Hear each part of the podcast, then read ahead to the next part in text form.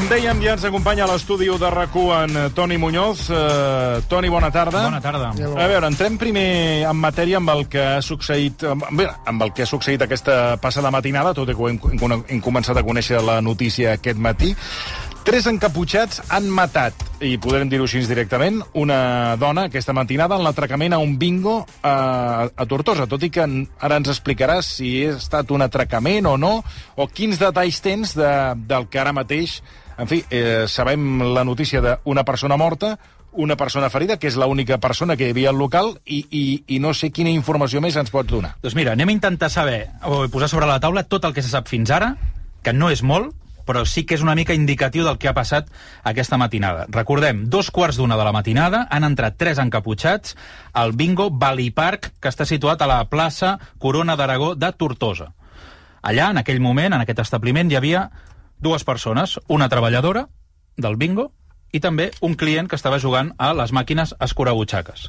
En aquell moment han entrat aquests tres encaputxats, li han demanat el telèfon mòbil amb el client aquest client s'ha negat i a partir d'aleshores s'ha desencadenat un tiroteig d'aquests tres encaputxats cap a aquest home.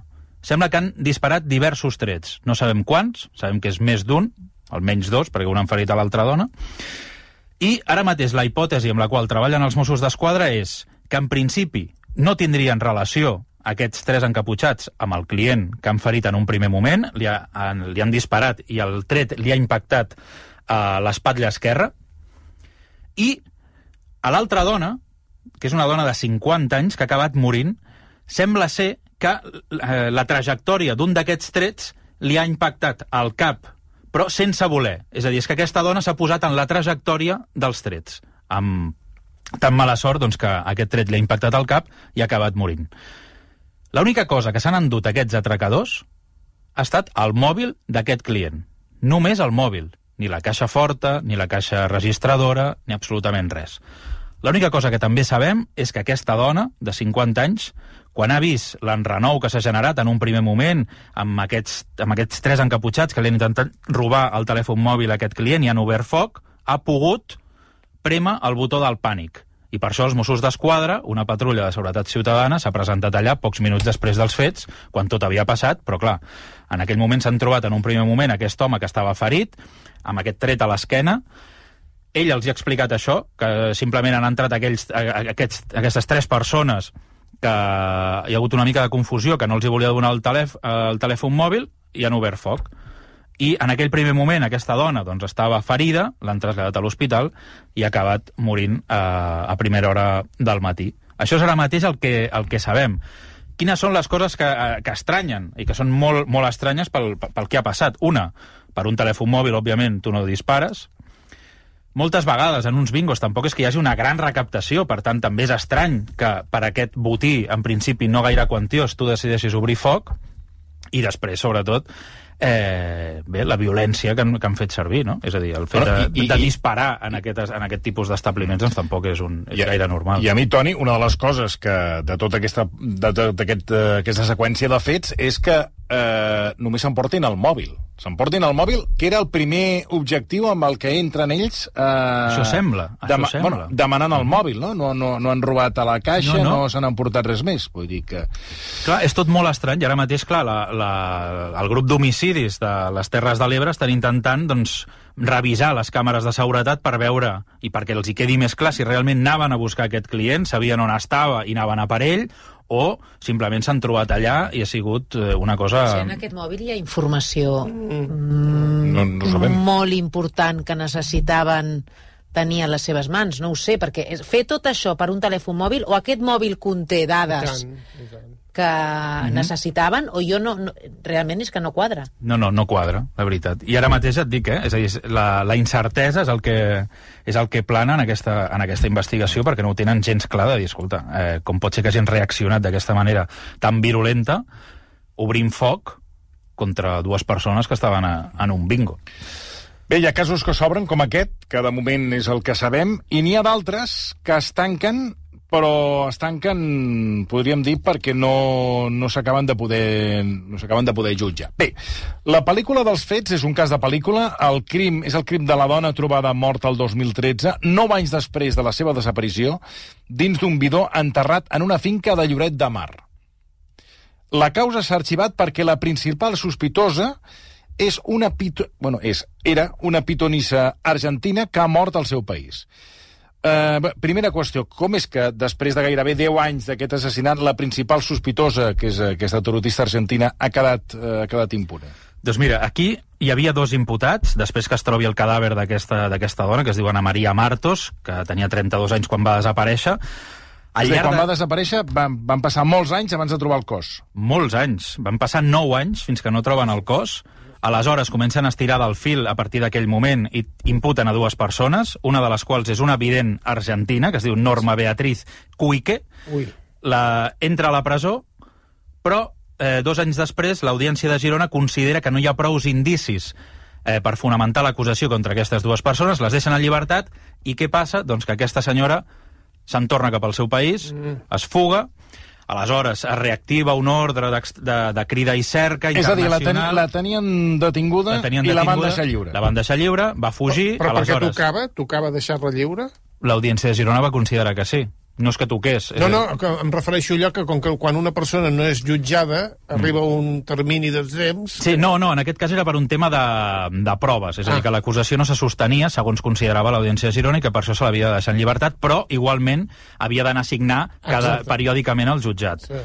Aquesta dona doncs, no va anar a signar i va fugir cap al seu país i quatre anys més tard la van trobar, a l'any 2020, a partir d'aleshores s'activa tots els protocols, però eh, quan és el moment d'extradir-la una altra vegada cap aquí, l'Argentina el que comunica és que aquesta dona té problemes ja eh, psíquics, que no és capaç doncs, de, de raonar bé i que, per tant, no valdrà la pena que la portin cap aquí perquè no podrà respondre eh, plenament conscient. I, per tant, doncs, al final aquesta causa doncs, ha anat morint al jutjat fins que al final doncs, aquesta dona va acabar doncs, traspassant l'any passat i al final doncs, el fiscal ha considerat doncs, que s'ha d'arxivar el cas. Però se sap el, el, el, el, o sigui, per què la tarotista va mm. matar a la, a la seva víctima? Sí, expliquem el cas des, de, sí, sí, des del clar, principi, sí, perquè ara sí. us he explicat com acaba. Com és acaba? a dir, que acaba en res, impunitat Fas com a, com a les pel·lícules, mm. Acabes, acaba en res però t'explico com comença. Sí, sí. I com comença? Vas doncs enrere, sí. sí L'Anna Maria Martos era una noia de 32 anys, eh, vivia a Sant Feliu de Llobregat, que va desaparèixer el gener del 2004. Detinguda, la tenien i detinguda. la van... Què ha passat? Què ha passat? És un clàssic, això. Això passa sí, eh, pràcticament cada dia. A veure si això podem començar a evitar-ho, perquè, clar, ja portem ja uns, saps, coses de, de recu, que és la marca. Bé, el que dèiem, l'Anna Maria Martos, dona de 32 anys, eh, de Sant Feliu de Llobregat, que va desaparèixer al gener del 2004. Els seus pares posen una denúncia, també a la comissaria de la Policia Nacional de Sant Feliu de Llobregat, on informen que fa un mes que no saben res de la, de la seva filla. Passen 9 anys. Fixa't. 9 anys en què ningú sap absolutament res d'on està l'Anna Maria Martos. Fins que el juny del 2013, jo recordo que estava aquí a RAC1, vam fer la notícia, la Policia Nacional fa un dispositiu en, un, en una urbanització de Lloret de Mar, excaven, porten unes excavadores, excaven en un terreny, en el jardí d'aquesta casa de Lloret de Mar, i dins hi troben un bidó Jesus. cimentat, on a dins hi ha el cos de la Cimentat? Sí, sí, havien posat ciment. Jesús i a dins... Però, però, ara, perdona, eh, que faci aquí una, una, una, una parada mm. tècnica. No sé què passa, que tinc la sensació com si em fallés el micro. Uh, no dic, ella, la tarotista, la veus, la veus capaç... M'estic avançant. Estàs avançant. Perquè, clar, eh, ciment i tot... Bueno, digues, sí, sí. digues, van trobar un bidó amb el ciment. un bidó. Un bidó ple de ciment. Un, un, un bidó ple de ciment. Com és que miren si hi havia res a dins? Aquesta és bona pregunta, també. Bueno, perquè ja estaven buscant a l'Anna Maria ah. Martos. Ah. Per què? I veuen el bidó, diuen, aquí sí. pot estar dins del bidó l'Anna Maria Martos. Sí. I com, com va la Policia Nacional clar, fins a aquest perquè, terreny? Per què la busquen allà? Doncs perquè eh, el 2013 l'associació de desapareguts que es diu Intersos rep tres trucades on els hi donen informació sobre el parador de l'Anna Maria Martos. Ah, Una de les responsables, sabeu que quan en aquestes pàgines de desapareguts sempre hi apareix un telèfon, que sí, normalment sí. és alguna persona de l'associació de, de desapareguts que fa d'interlocutor per no haver de trucar a la família directament, no? Eh, aquells mesos abans de que trobin a l'Anna Maria Martos, reben tres trucades. En una primera trucada eh, hi ha una persona amb un accent argentí que diu a l'Anna Maria l'han estafat, robat i matat. Un Una home o una dona? Era un home. A la segona trucada apunta directament aquesta, aquest interlocutor a Norma Beatriz Cuique i a José María Tarragüell i diu on es troba el cos. I unes setmanes més tard torna a trucar aquest interlocutor i li diu que s'ha que aquesta, li diu a aquesta persona de l'Associació de Desapareguts que s'ha d'afanyar perquè Cuique, que és aquesta dona, l'evident, Sí, sí. marxarà l'endemà cap a l'Argentina. Fixa't. Val? I és veritat que Cuique l'endemà marxa cap a l'Argentina. Qui era aquesta persona que va trucar? Doncs l'exmarit d'aquesta evident que no volia que aquesta dona tornés a l'Argentina, però que es tenia informació que ella estava implicada en el crim de l'Anna Maria Martos. S'havia generat entre ells una, una relació de, de, en fi, de, de no amistat, podríem dir, Sí, sí. i aquesta persona, doncs, nou anys després, va decidir trucar a l'Associació de Desapareguts i donar informació sobre el parador de l'Anna Maria Martos. Aleshores, la Policia Nacional va anar cap allà, van excavar el terreny d'aquesta zona de Lloret de Mar i van trobar el cadàver de l'Anna Maria Martos. A partir d'aleshores, la Policia Nacional deté a dues persones. Una, l'evident, que ja es troba a l'Argentina, demanen una ordre de detenció, demanen una ordre d'extradició, Argentina la deté, l'envia cap aquí, és quan l'engarjolen, uns mesos o uns anys més tard l'acabaran alliberant, i també detenen a un altre senyor que es diu José María Tarragüell, que era el propietari d'aquesta finca. D'aquesta finca on es troba el cadàver de l'Anna Maria. I el Escolta, marit, disculpa, Ara, ara. l'investiguen perquè aquest home sabia on estava el Exacte, cos. és un cobridor. Tota la família d'aquesta evident es dedicaven a estafar a gent. Eh, sembla que, doncs, que eren molt actius a la Rambla d'aquí de, de Barcelona, es dedicaven a tirar les cartes i enganyaven a gent desesperada. Una de les persones que van captar perquè l'Anna Maria Martos es trobava en un moment, tenia una depressió, es trobava en un moment de molta desesperació, i va ser captada, diguéssim, per aquesta xarxa de semividents, bruixots, que et prometien doncs, que et salvarien i que et donarien una vida millor.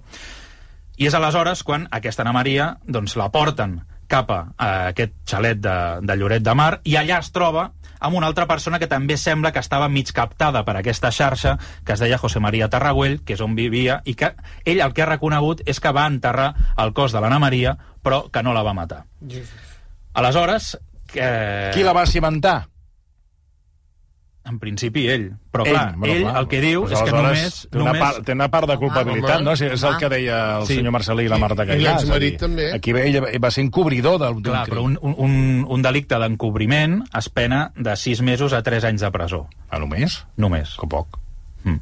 Bueno, I, eh, I, clar, la i per això ara, quan ha mort aquest evident a l'Argentina, consideren que no es pot jutjar un sense l'altre. Si, un, si un només diu que és l'encobridor i no es pot contradir o contra, sí, Contraposar. contraposar, contraposar la seva versió amb la de l'altre, doncs quedarà com la veritat eh, judicial i que, per tant, no val la Però pena escolta, jutjar-lo. Toni, amb tot el que ens has explicat, tot i això el jutge considera que no hi havia prou indicis contra l'evident? O sigui, malgrat que el marit diu on és, que ha estat en contacte amb l'evident, que hi ha un home que diu que sí que l'ha enterrat i malgrat això la deixa lliure? Sí, sí, és així. Oh, però El tema és que no es van trobar prou proves per saber la vinculació d'aquestes dues persones. Quin seria el mòbil del crim? No l'hem explicat. L'Anna Maria Martos, un cop... És a dir, penseu que tota aquesta investigació s'ha fet un cop es troba el cadàver, aleshores es comença a estirar del fil, però ja han passat 9 anys Clar. quan es comença aquesta investigació. El 2013, l'Anna Maria Martos desapareix l'any 2004. Vull dir, tot aquest temps no s'investiga absolutament res ni es parla amb ningú. Per tant, totes les proves, ja no només l'estat del cos, sinó totes les proves que es poden investigar, moltes han desaparegut. Per exemple, el, el patrimoni de la víctima. Els últims mesos, abans de desaparèixer, ella es va desfer de tot el seu patrimoni. I què sembla ser que va fer? Doncs que li va donar aquesta xarxa d'estafadors que li havien menjat el cap i els havia donat tot el seu patrimoni. Havia venut el seu pis de Sant Feliu de Llobregat, havia demanat no sé quants préstecs personals, havia demanat fins i tot un préstec al seu exmarit dient que necessitava ajuda. És a dir, tots aquests diners no se sap on han anat a parar. Si els haguéssim, haguéssim vist que haguessin anat a la, a la butxaca d'aquesta bruixa, doncs potser sí que haguessin trobat més indicis, però no es van trobar el, el destí d'aquests diners. havien d'anar amb un compte o els va treure de- en metàl·lic? No ho sé com els va donar, però sí que sé que no, els, no han pogut Que no rastrejar, consten, no no consten. saben on, on van anar a parar Jesús. aquests diners.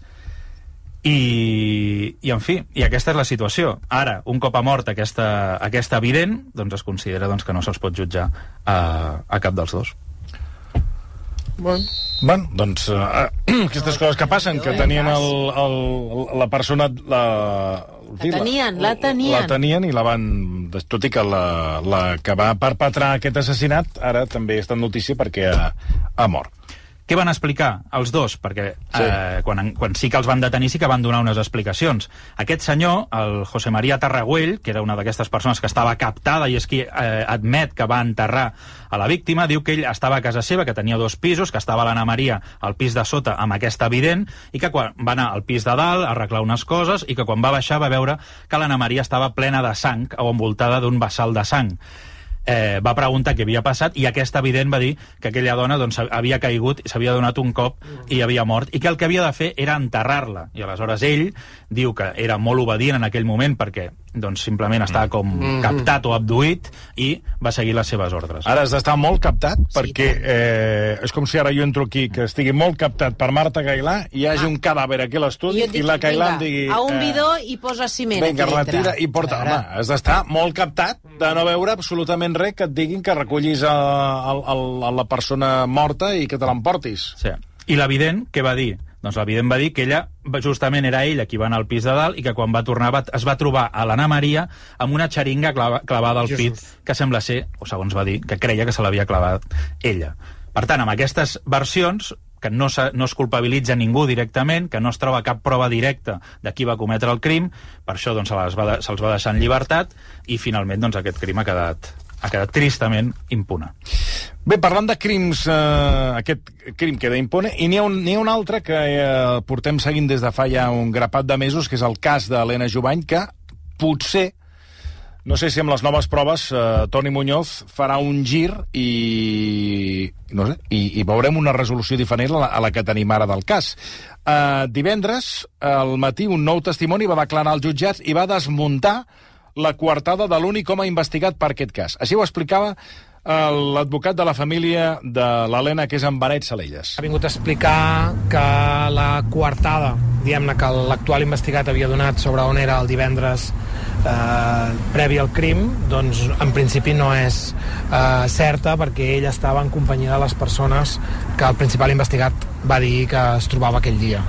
Toni Muñoz, qui és la persona que va, va declarar divendres i, i quin és aquest nou, nou argument, nou testimoni? Doncs mira, eh, la persona que va declarar divendres és un nou testimoni, és un amic de Xavi Jiménez. Recordem que Xavi Jiménez ara mateix és l'únic investigat per aquest crim, se li està imputat pel delicte d'assassinat de l'Helena Jovany.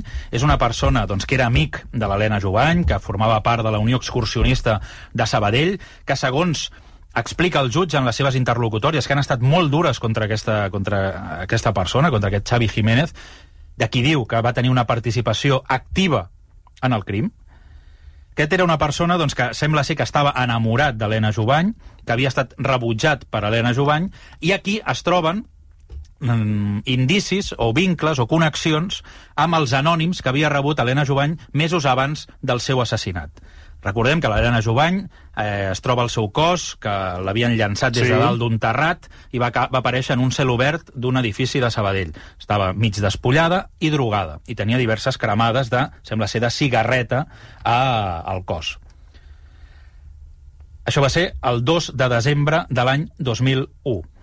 Per aquella causa, recordem, s'havia imputat en un primer moment a dues dones, que era Montse Careta i Anna Echagüibel, eh, Montse Caret es va suïcidar doncs, a, a la presó i Anne Gibel va ser desimputada. Després es va imputar el qui era la parella d'aquesta primera imputada, de Montse Careta, que es deia Santi la Iglesia, però com que no es va poder avançar la investigació, també aquesta imputació va quedar arxivada. Però després de tants anys de, de, de paràlisi, perquè des de l'any 2005 que no es feia cap mena de diligència, cap mena de prova eh, sobre aquest cas, un peritatge informàtic que va fer, que va pagar de la seva butxaca a la família de l'Helena Jovany, va descobrir que entre alguns missatges de, que, de, de xat que tenia l'Helena Jovany i els anònims deien, tenien continguts semblants.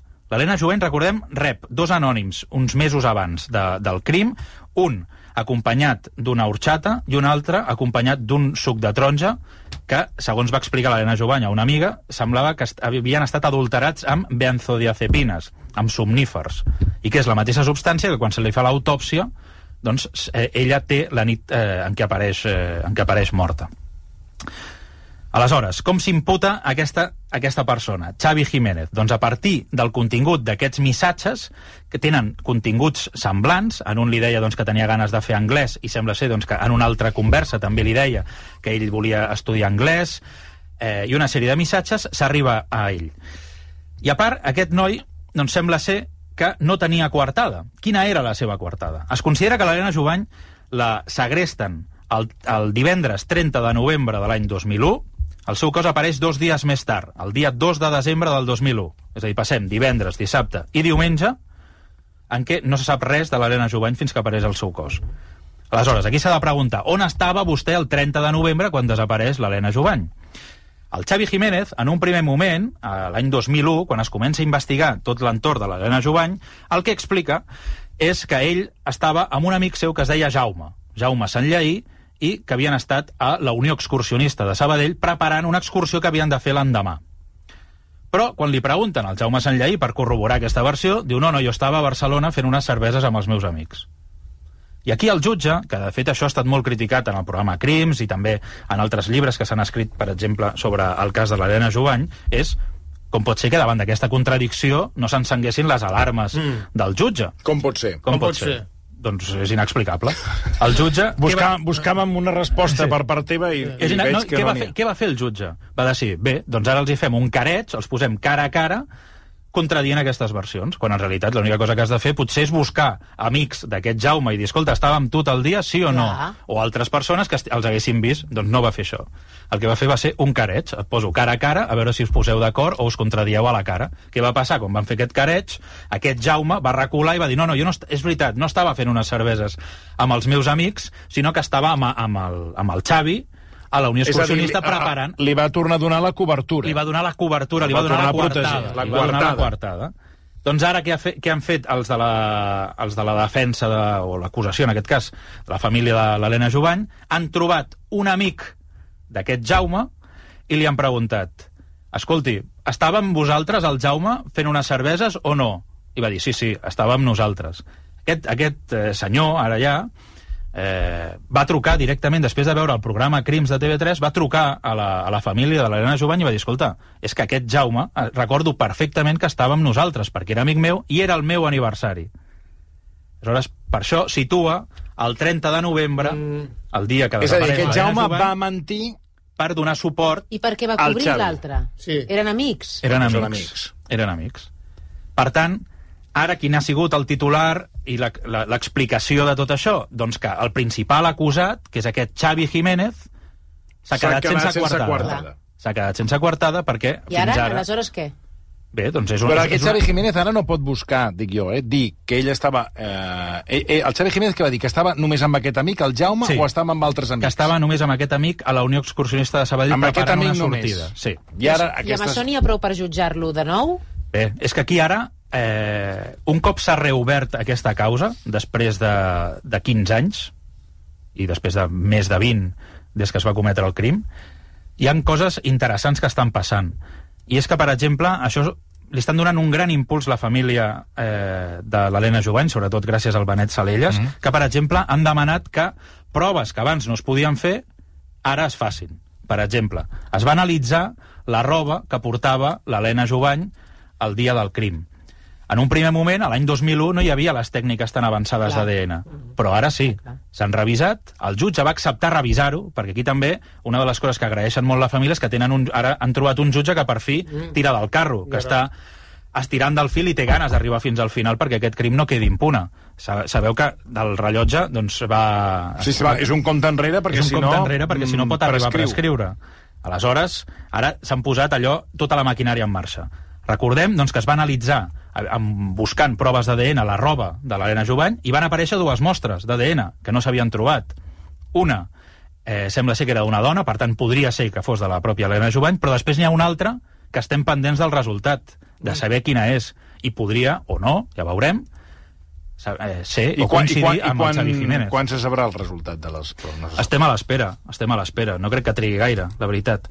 I ara també el que, el que també s'ha doncs, acceptat eh, per part del jutge és analitzar una mostra doncs, que també es va trobar en els genitals de, de l'Helena Jovany, que en un primer moment, eh, l'any 2001, no es podia determinar què és el que era, i ara, doncs, potser es tornarà a analitzar i veurem... I aquesta, perdona, eh, però aquestes altra. mostres que ara s'analitzen on estan guardades? Perquè, clar, han passat tants anys, qui les guarda?